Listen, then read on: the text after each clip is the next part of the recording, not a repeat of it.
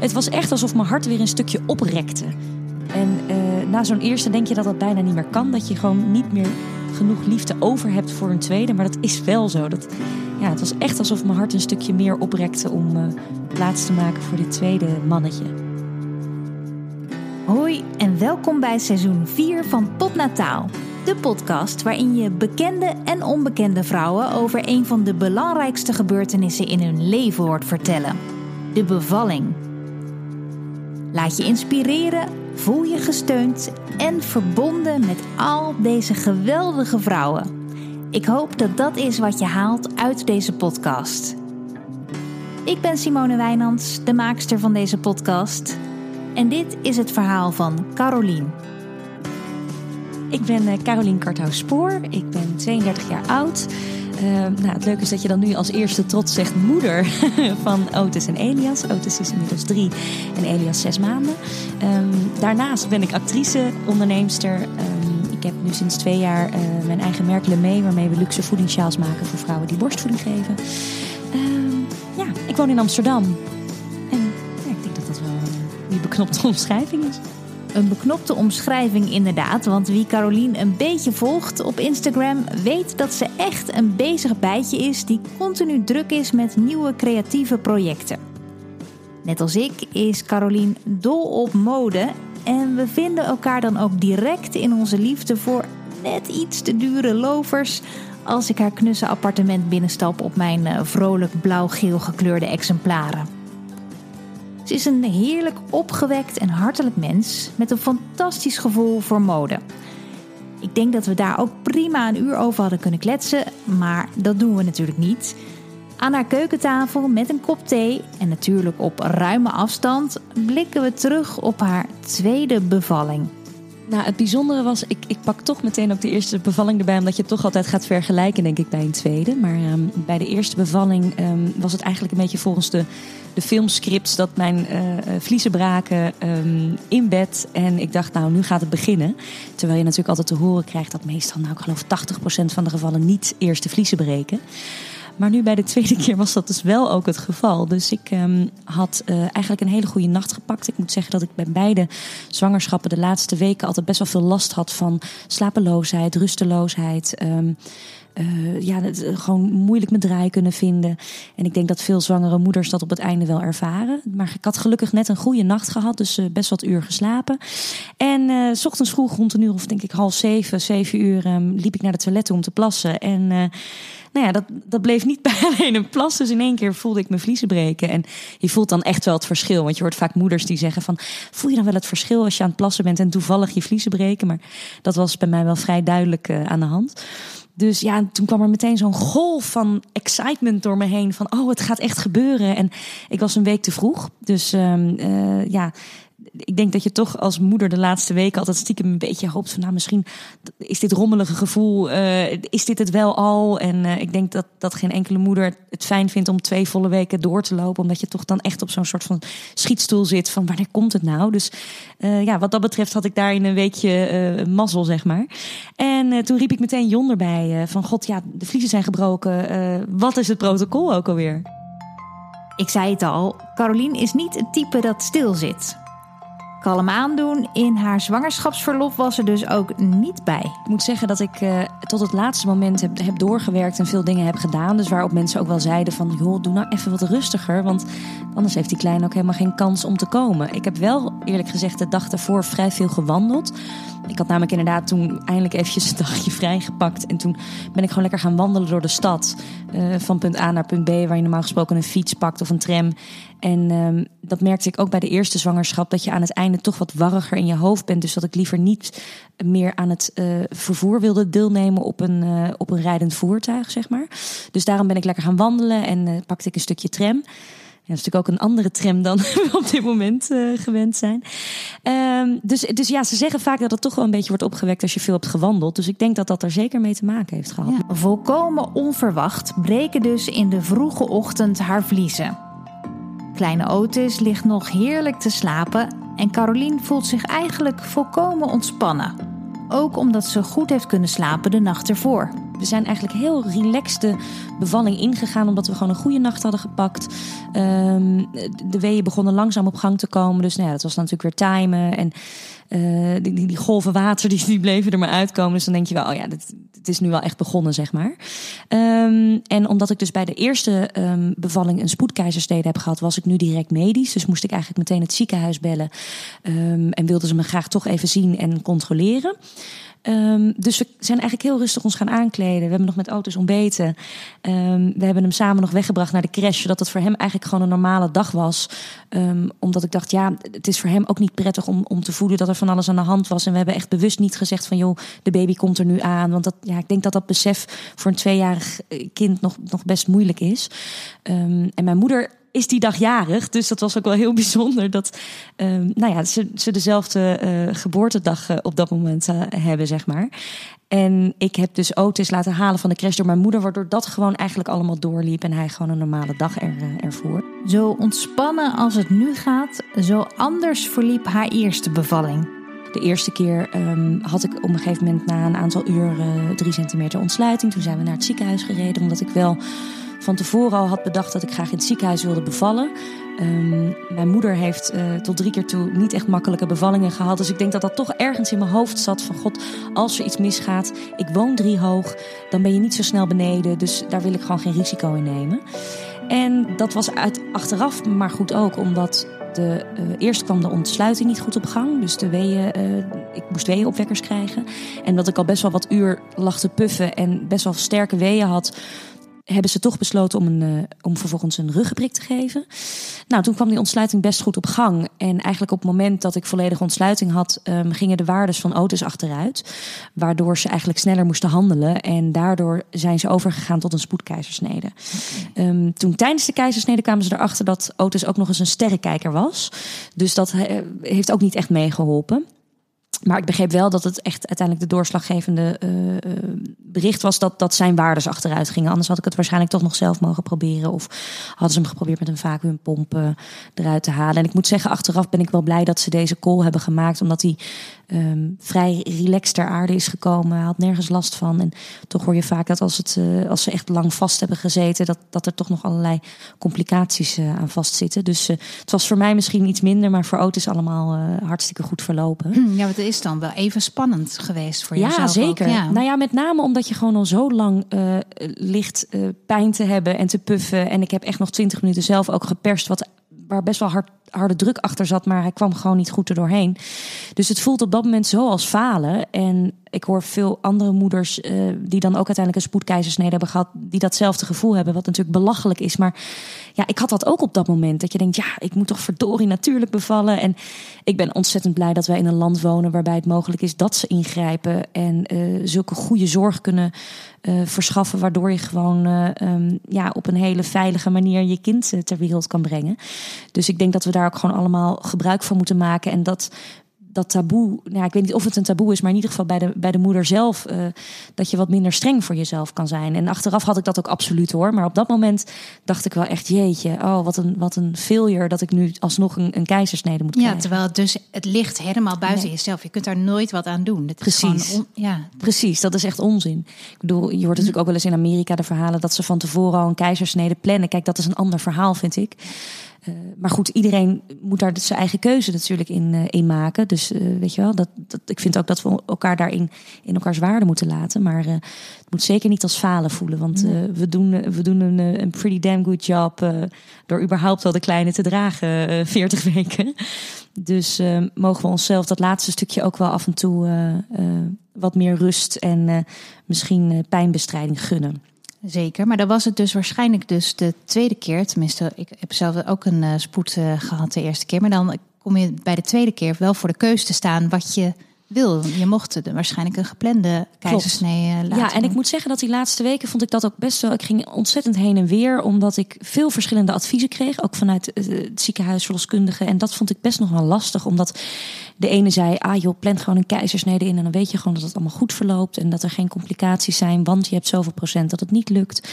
Uh, vervolgens kom je weer bij een andere verloskundige of afdeling die zegt: waarom ga je het niet gewoon natuurlijk proberen? Want aan die rapporten zien lag het niet in ieder geval aan jou, maar uh, lag die kleine verkeerd en gingen zijn waardes achteruit. Je hebt volledige ontsluiting gehad, dus je zou het zelf kunnen proberen. En ik, op een gegeven moment wist ik echt niet meer wat ik moest doen. En toen heb ik besloten dat ik um, toch heel erg graag het op een natuurlijke manier wilde laten uh, beginnen.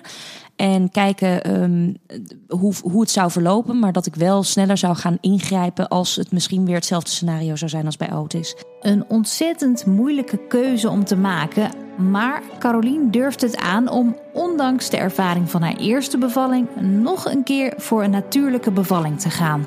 Wat ik ook merkte na de bevalling bij Otis is dat het goed is om vervolgens je verhaal te blijven doen. Omdat dat toch iedere keer zorgt voor een stukje meer verwerken. Dat het, ik vond het echt best wel een traumatische ervaring.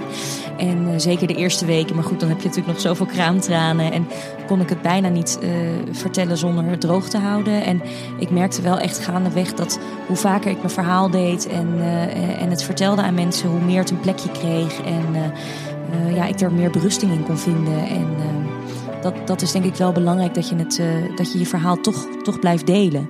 omdat ik denk dat dat echt wel een stukje helpt in het verwerken daarvan. Heb je daar ook nog met iemand professioneel toen over gepraat daarna of dat, dat niet? Nee, nee, ik heb wel toen daarna nog een gesprek gehad met... Ik had een hele fijne verloskundige praktijk, FAM...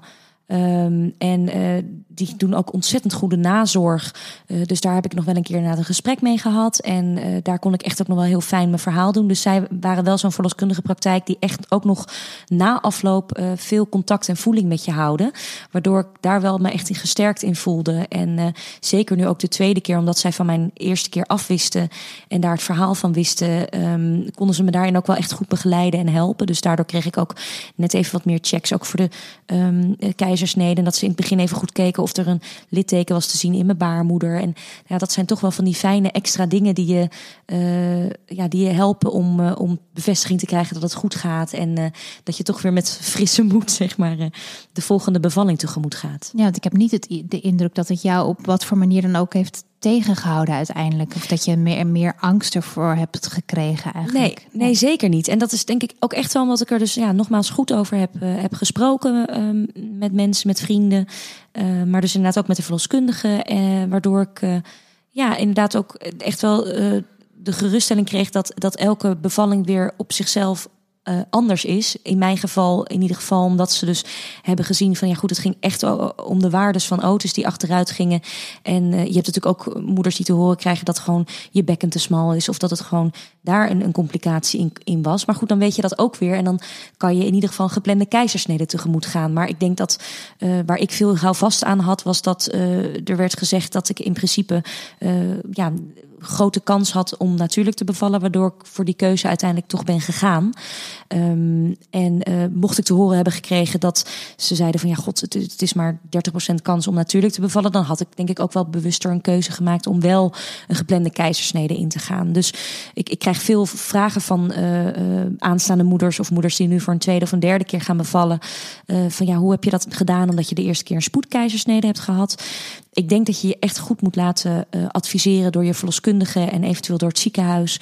Uh, op basis van de, de vorige bevalling of bevallingen, wat ze je, uh, ja, wat ze je kans achten om, om nu natuurlijk te bevallen en daarin een goede afweging te maken. Um, en dan niet ja, bang te zijn om te kiezen voor die, voor die geplande keizersnede of juist voor die natuurlijke bevalling. Ik denk dat het belangrijk is dat je iets kiest waar je volledig achter staat. Dus um, als je denkt van nou ja, ik, ik, ik ben toch als ik te veel angst had gehad om nu op een natuurlijke manier te bevallen, dan was ik denk ik voor een keizersnede gegaan. Omdat ik echt wel geloof dat je uh, lichaam uh, dan ook op de een of andere manier een, een blokkade gaat hebben als je er zelf niet volledig uh, in gelooft. En uh, ja, ik, ik geloofde er wel echt in dat het uh, op een natuurlijke manier mogelijk was. Omdat die ochtend de bevalling zich ook zo natuurlijk aandient, voelt ze zich nog eens gesterkt in dat gevoel. We reden eigenlijk ja, met een prachtige zonsopgang het ziekenhuis uh, tegemoet. En um, ja, alles voelde gewoon ook een stuk beter. Ik was ook wel echt relaxed, dat was ook wel heel fijn. Ik probeerde echt niet stress te ervaren van het, het, het, zou misschien weer een keizersnede kunnen worden. Ik dacht, het, het, komt, het komt zoals het komt. Bij aankomst in het ziekenhuis wordt eerst gekeken hoe lang de weeën al op gang waren en hoe ver haar ontsluiting is. Ook kijken ze het litteken van haar eerdere keizersnede nog eens na. Dat zag er allemaal heel erg goed uit. En ze zagen op de monitoren wel al dat mijn weeën best wel pittig waren. Dus toen kon ik eigenlijk meteen blijven. Uh, wat ik wel een prettige gedachte vond. Want als ik weer naar huis was gestuurd, dan had ik misschien er wel op aangedrongen dat ik wilde blijven. Omdat je toch, ja, op de een of andere manier, vergeleken met de vorige keer, dan de controle wil behouden. En, uh, en wil checken of in ieder geval de waardes van die kleine goed blijven gaan. Maar die ging allemaal hartstikke goed. Dus, dus dat was heel prettig. Um, toen heb ik eigenlijk net als bij auto's een tijdje in bad gezeten. Ik vond het heel fijn om daar wat weeën in op te vangen. En ik heb best wel veel had gehad aan een bal om op te zitten. En um, ik heb eigenlijk geen uh, puffcursus of, of, of, of andere cursussen gevolgd. Ik ben alleen naar een uh, geweest. En dat heb ik ook toen met auto's gedaan. En daar heb ik ontzettend veel aan gehad. Ook omdat uh, Jon daar, mijn man, veel um, tips kreeg om uh, drukpunten aan te halen. op het moment dat ik een wee moest wegpuffen, zeg maar. En daardoor konden we het echt samen doen. En dat was zo'n mooie ja, symbiose bijna. waarin we echt samen zo geconcentreerd um, die wee aan het opvangen waren. En uh, dat zou ik wel echt als tip willen geven. Tuurlijk ja, is iedere vrouw daar weer anders in. Want ik hoor ook wel eens vriendinnen die zeggen... nou, niemand mocht mij aanraken tijdens, uh, tijdens de hele bevalling. Maar ik vond het juist heel prettig dat uh, iedere keer als ik de wee weer voelde opkomen... dat ik een soort, ja, daar komt hij, zei. En dan ging Jon of op drukpunten op mijn op mijn rug of bij mijn um, bovenbenen ging die drukken. En op die manier kon ik ja, toch de wee wat makkelijker opvangen... en naar die plek toe ademen. Dus daar heb ik heel erg veel aan gehad. Ja, dus eigenlijk bijna meer een cursus voor, voor hem dan... bijna wel, ja. ja. En, en ook wel voor mij hoor, dat ik, dat ik leerde daar naartoe te ademen. En ze heeft me echt nog wel heel veel tips gegeven om uh, tijdens het persen bijvoorbeeld op de juiste manier te persen. Omdat sommige, um, zeker in de stress, kan je uh, verkeerd gaan persen, waardoor je echt last krijgt van je hoofd. En je moet echt naar beneden persen. Dus daar heb ik ook echt wel heel veel aan gehad. Dus dat, uh, dat zou ik wel iedereen aanraden. Ik, ik vond dat echt een hele fijne. Fijne ja, cursus wil ik dus niet echt zeggen, maar sessies ja. die ik daar heb, heb gedaan. Zometeen gaan we verder met de rest van deze aflevering van Potnataal. Maar eerst is er even iets anders dat ik je wel zou willen aanraden. Ik denk er nog vaak aan hoor, al mijmerend op een van de spaarzame momenten die je voor jezelf hebt op een dag. Die tijd dat je met slechts een handtas bungelend aan je arm de auto instapte. Iedereen met kinderen weet dat die tijd voorbij is zodra je een gezinnetje hebt. Wandelwagens, maxi-cozy, luiertas, moet allemaal mee. Een dagje uit lijkt wel een volksverhuizing. Zeker als je zoals ik het concept packing light nooit hebt begrepen. Beter meeverlegen dan omverlegen, denk ik altijd maar, als ik er nog een paar extra luiers en billendoekjes bij prop. Hoe dan ook, je bent toe aan een auto waar alles in past en die ook nog veilig is voor jouw gezin. Je voelt hem al aankomen. De ideale auto voor jou en de levensfase waar je in zit kun je vinden op auto.nl. De ideale auto voor jou en de levensfase waar je in zit kun je vinden op auto.nl. Gemak dient de mens, dus je zoekt er gewoon eentje online uit terwijl je baby zijn middagslaapje doet. Ideaal toch? Ga dus naar auto.nl als je super makkelijk een nieuwe auto wil kopen of leasen. Auto.nl tot zover dit bericht van de sponsor van dit seizoen van Podnataal. Nu snel weer door met de aflevering. Caroline heeft zich helemaal gezetteld in haar kamer in het ziekenhuis. Ze voelt zich goed en heeft al behoorlijk stevige weeën. Ze hielden best wel lang aan. Dat had ik ook toen al bij, uh, bij Otis. En nu bij Elias weer uh, waren het best pittige weeën. Dus uh, ze hielden echt wel soms een minuut, anderhalf aan. En dan appte ze weer weg. En dat is ook de reden dat ik toen na een paar uur dacht... ik wil toch wel pijnbestrijding. Omdat het bij Otis uiteindelijk toen nog zo lang duurde. En hier kwamen weer de, kwam de ontsluiting weer niet meteen goed op gang. Omdat zeker bij een tweede natuurlijk... Ja, hebben ze een soort van timeframe zodat het ongeveer tien uur mag duren. En toen nou ja, zeker een uur of vijf zat ik nog steeds pas op drie centimeter. En je vliezen waren gebroken. En mijn vliezen waren gebroken. Dus daar zit je natuurlijk ook nog met een soort tijdsdruk. Dus toen um, ben ik voor een pompje gegaan. Um, volgens mij is het ook een beetje afhankelijk van uh, wat de verloskundige zegt. Uh, hoe lang ze inschatten dat de bevalling nog gaat duren. Of ze je een ruggenprik aanraden of een pompje. En ik moet zeggen, ik ben heel blij dat ik dat pompje toen heb gedaan. Omdat mijn lichaam toen wat meer rust kreeg. En daardoor de ontsluiting veel sneller op gang ging. Dus toen ben ik echt in uh, anderhalf uur tijd ging ik naar die 10 centimeter toe. Dus dat is echt ontzettend fijn. En je hebt dan ook echt even rust in je lichaam om vervolgens jezelf weer op te peppen voor het laatste stuk. Wat natuurlijk best wel pittig is. En ik weet nog heel goed dat toen ehm, inderdaad die, die, die, die perswee of die aandrang kwam. Dat ik op een gegeven moment op mijn knieën ben gaan zitten en voorover ben gaan buigen. En echt een soort idiote oerkreet had. Omdat je voelt dan echt die kleine indalen. Dat is echt, ik vond dat zo bijzonder om te voelen. En dat heb ik toen bij auto's nooit kunnen voelen, omdat ik toen al die ruggenprik had. Maar uh, ja, dan voel je echt van, oh ja, hij gaat nu indalen en dit, dit is echt naar het laatste stuk toe. Um, dus dat deed ontzettend veel pijn. Maar het was wel echt ook heel erg mooi om je lichaam in een soort oergevoel daarin uh, en, in te ging er nog door je heen van, oké, eh, dit zou ook het punt kunnen zijn waarop het allemaal omdraait en ik misschien straks toch op de OK kom te liggen. En dan... Gelukkig niet, omdat eigenlijk iedere keer de waardes van, van Elias goed bleven gaan. Dus um, ze, monitorden hem heel erg goed, waardoor um, ja, ik eigenlijk heel erg gerust werd gesteld dat, dat hij goed ging. Waardoor ik ook eigenlijk helemaal geen stress daarin voelde van oh, straks, dat, straks gaat het verkeerd. Um, ze hebben ook wel goed uh, gecheckt uh, hoe die lag. Uh, dus hij lag inderdaad niet hetzelfde als auto's. Hij lag in principe goed. Dus ja, op de een of andere manier zat ik wel in een hele goede flow en trance. Waardoor ik niet echt tijd ook had om die angst of de potentiële angst te voelen van dat het mis zou kunnen gaan. Of ja, mis, maar in ieder geval dat, dat ik uh, meer hulp nodig zou moeten hebben. Dus dat was heel fijn. En um, toen op een gegeven moment uh, nou ja, kreeg ik te horen dat ik mocht gaan persen. En ja, dat is, ik, het was zo'n bijzonder gevoel om, om om echt die persweeën te kunnen doen. Bij haar eerste bevalling had Caroline de persweeën niet echt goed kunnen voelen. Maar dat is nu wel anders. Toen had ik nog die ruggenprik en die kunnen ze natuurlijk niet uitzetten. En in dit geval wel. Dus ik kreeg nu echt alle pijn en uh, kracht en gevoel uh, kreeg ik nu echt mee. En bij die ruggenprik was het toch meer dat de verloskundige zei dat ik moest persen. Omdat zij dan op de monitor zagen wanneer die perswee eraan kwam. En ik echt meer op um, ja, commando aan het persen was, zeg maar. En nu voelde ik mijn lichaam echt zelf die perswee opbouwen. Waardoor ik daarin kon meepersen. Dus dat vond ik wel echt een hele andere ervaring. En toen heb ik dus uiteindelijk maar 20 minuten geperst. En toen uh, kwam Elias ter wereld. Opeens is hij daar. Dat jongetje waar ze zo naar heeft uitgekeken. En een spoedkeizersnede is niet aan de orde. Ja, het, het, het is echt zo'n bijzonder gevoel. En, en ja, ik heb hem zelf, heb ik hem uh, er half uitgeteeld. Ja, dat klinkt zo gek, maar ik weet nog zo goed dat op een gegeven moment dat ze zeiden: voel maar het hoofdje eruit. En toen voelde ik heel zachtjes en dan voel je letterlijk een soort ballon met haartjes. Dat het nog allemaal heel erg zacht is. Ja, dat is zo'n onwerkelijk gevoel dat je gewoon de kleine al half voelt. En ja, toen, uh, toen de laatste um, perswee eigenlijk kwam, toen, toen ja, heb ik hem dus zeg maar zelf aangepakt. En Jon vervolgens samen met mij uh, op mijn borst gelegd. Ja, dat is.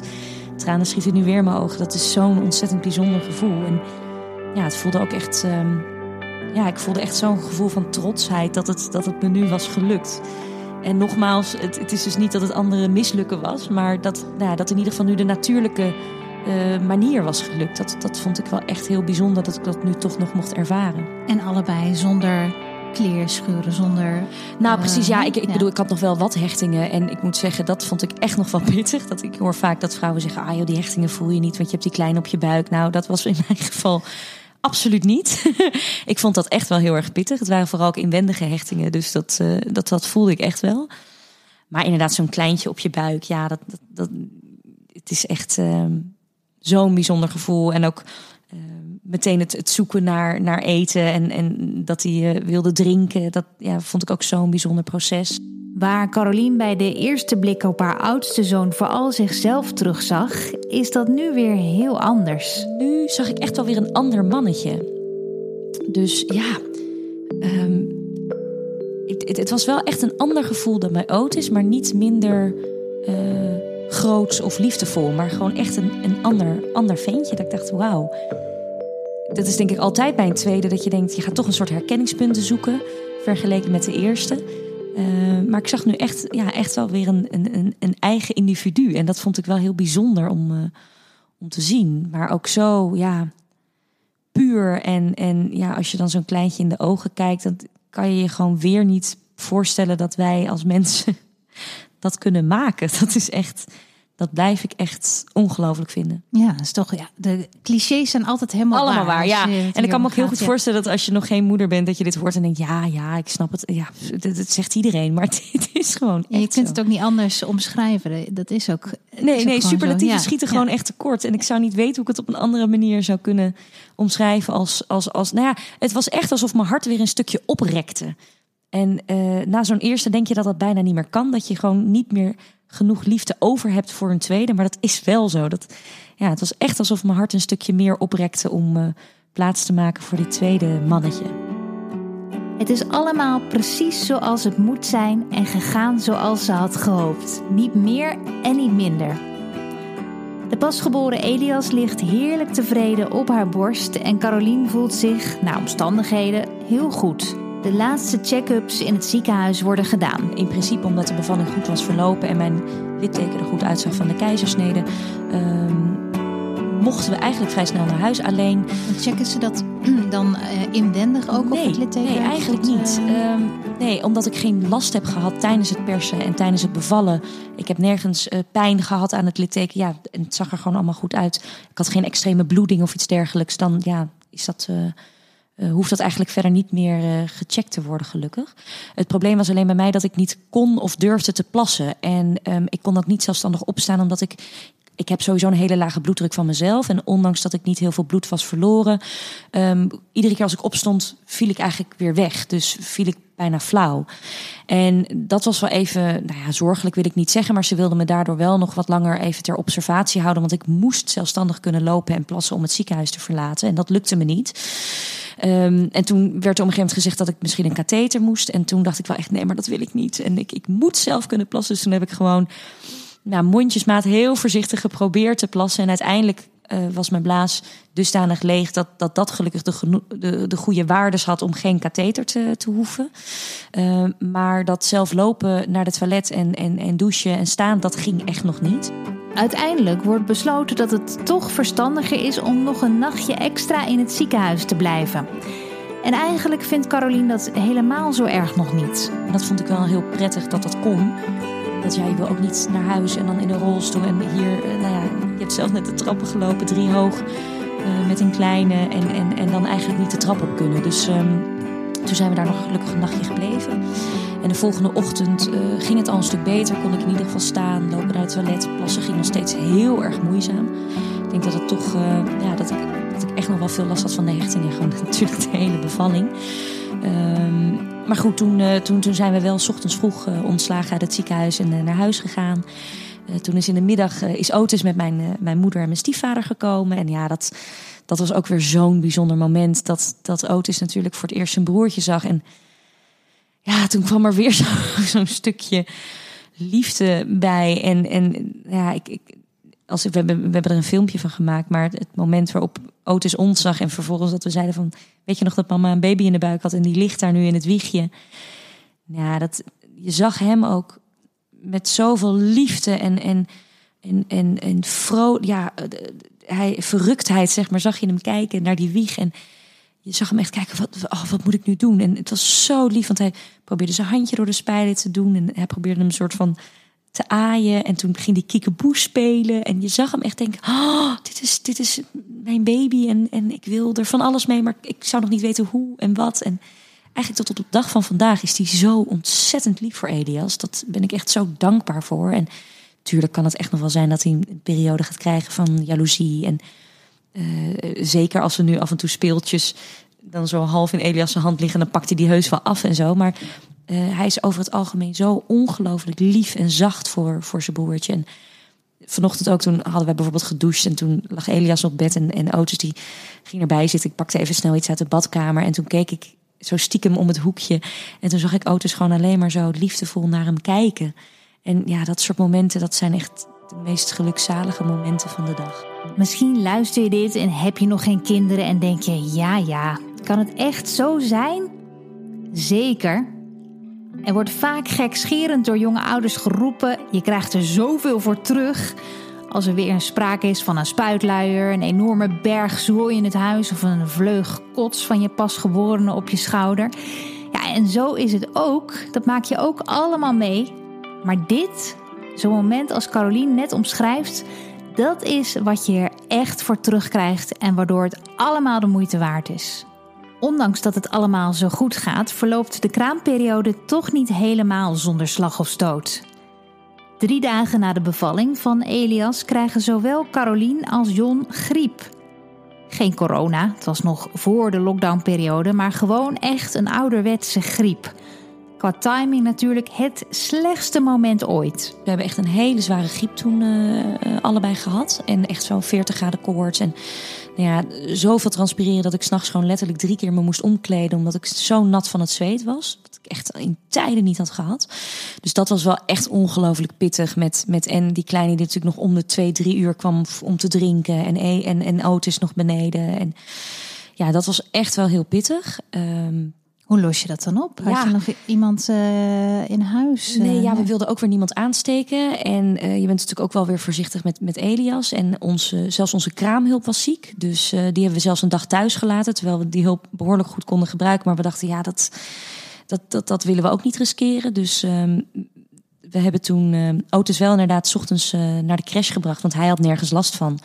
Um, dus die was toen eventjes in ieder geval overdag wel even weg. Zodat wij een beetje konden bijslapen. En beetje uitzieken. Uh, maar dat heeft toch nog wel vier dagen geduurd voordat we weer een beetje erbovenop waren. Dus dat was wel echt een hele pittige start. Omdat je, nou ja, je hebt natuurlijk al slaaptekort. Uh, en als je dan ook nog eens een, een, griep moet wegkoppen en daarvan moet herstellen, is dat dubbel op natuurlijk. Dus dat was wel echt heel, uh, heel pittig.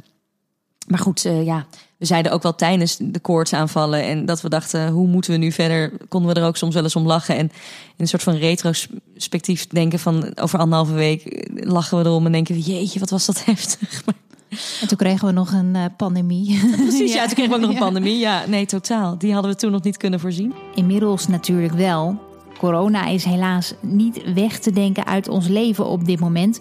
Maar voor de kleine Elias maakt het allemaal niets uit. Hij is inmiddels een half jaar oud en een heerlijk tevreden baby. Hij groeit hartstikke goed. Hij is uh, voor het eerst uh, heeft hij een klein wendagje op de crash gehad. Dat vind ik dan ook wel alweer zo'n nieuwe fase. En ja, we hebben natuurlijk een hele gekke periode achter de rug met veel thuis zijn en met het gezin. En ik moet zeggen dat dat best wel pittig was, omdat eigenlijk op het moment dat ik weer een beetje zo het, het, het, het leven ging oppakken buitenshuis. Uh, werden we weer verplicht om allemaal binnenshuis te blijven. En um, ondanks dat dat heel prettig was om lekker met z'n vieren te kokoenen, uh, moesten we echt onze weg vinden in ook nog werken daarnaast. Omdat, uh, nou ja, was druk bezig met een speelfilm op poten te zetten en dat ging gewoon maar door. En mijn werk ging eigenlijk ook langzaamaan weer door. Uh, dus dat vonden we wel heel moeilijk, omdat je namelijk alles half doet. Dus je bent half met de kids, je bent half met je werk en daardoor kan je niet toch in, in volle teugen genieten van een van de twee. En dat vond ik echt wel heel erg pittig. Voordat Caroline en ik begonnen met het opnemen van deze podcast, hadden we het natuurlijk ook nog even over hetgeen ons tegenwoordig natuurlijk allemaal bezighoudt: het coronavirus.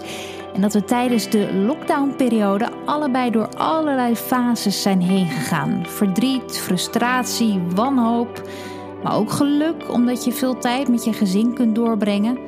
En dat is iets wat natuurlijk heel mooi is, maar wat ook nog iets anders met zich meebrengt, namelijk eenkennigheid. Het gaat eigenlijk heel erg goed met hem. Hij, uh, hij was wel denk ik een beetje door die hele periode wat uh, eenkenniger. Dat Otis die, uh, ja, die hebben we vanaf moment één overal mee naartoe genomen. toen hij acht weken was, zaten we al voor het eerst met hem in een vliegtuig. En er kwamen zoveel vrienden vaak over de vloer. We hebben sowieso wel een huis waar uh, eigenlijk ja, wat altijd open staat voor vrienden. En iedereen is welkom om mee te eten of lekker gezellig uh, langs te komen. En dat viel nu weg. Dus ik kan me ook wel voorstellen dat dat voor hem ook wel impact heeft gehad. Uh, op dat hij ja, veel meer op, op, op ons was aangewezen. En daardoor ook ja, toch wat eenkenniger was. Maar gelukkig is dat eigenlijk nu al wel weer weg. En lacht hij vrolijk naar iedereen die die ziet. En ja, het is echt een heel vrolijk en lief mannetje. Je hoorde het verhaal van Caroline. Ben je trouwens al bekend met het fenomeen vriend van de show? Zo niet, ga dan naar vriendvandeshow.nl slash potnataal. Daar kun je je namelijk aanmelden als officiële vriend. Je kunt er in contact komen met mij en andere luisteraars. Je kunt laten weten wat je vindt van de show. Je kunt er extraatjes vinden. En misschien heb je het er zelfs voor over een donatie te doen, als je altijd met veel plezier luistert. Ik zou het heel tof vinden. Kijk maar, niks moet, alles mag. Waar je me ook enorm door helpt is om Potnataal een 5 sterren recensie te geven in iTunes. Op die manier zorg je ervoor dat nog meer mensen deze podcast makkelijk kunnen vinden. En als je toch zin hebt om een beetje te tikken, misschien ook een leuke review achterlaten. Kijk maar.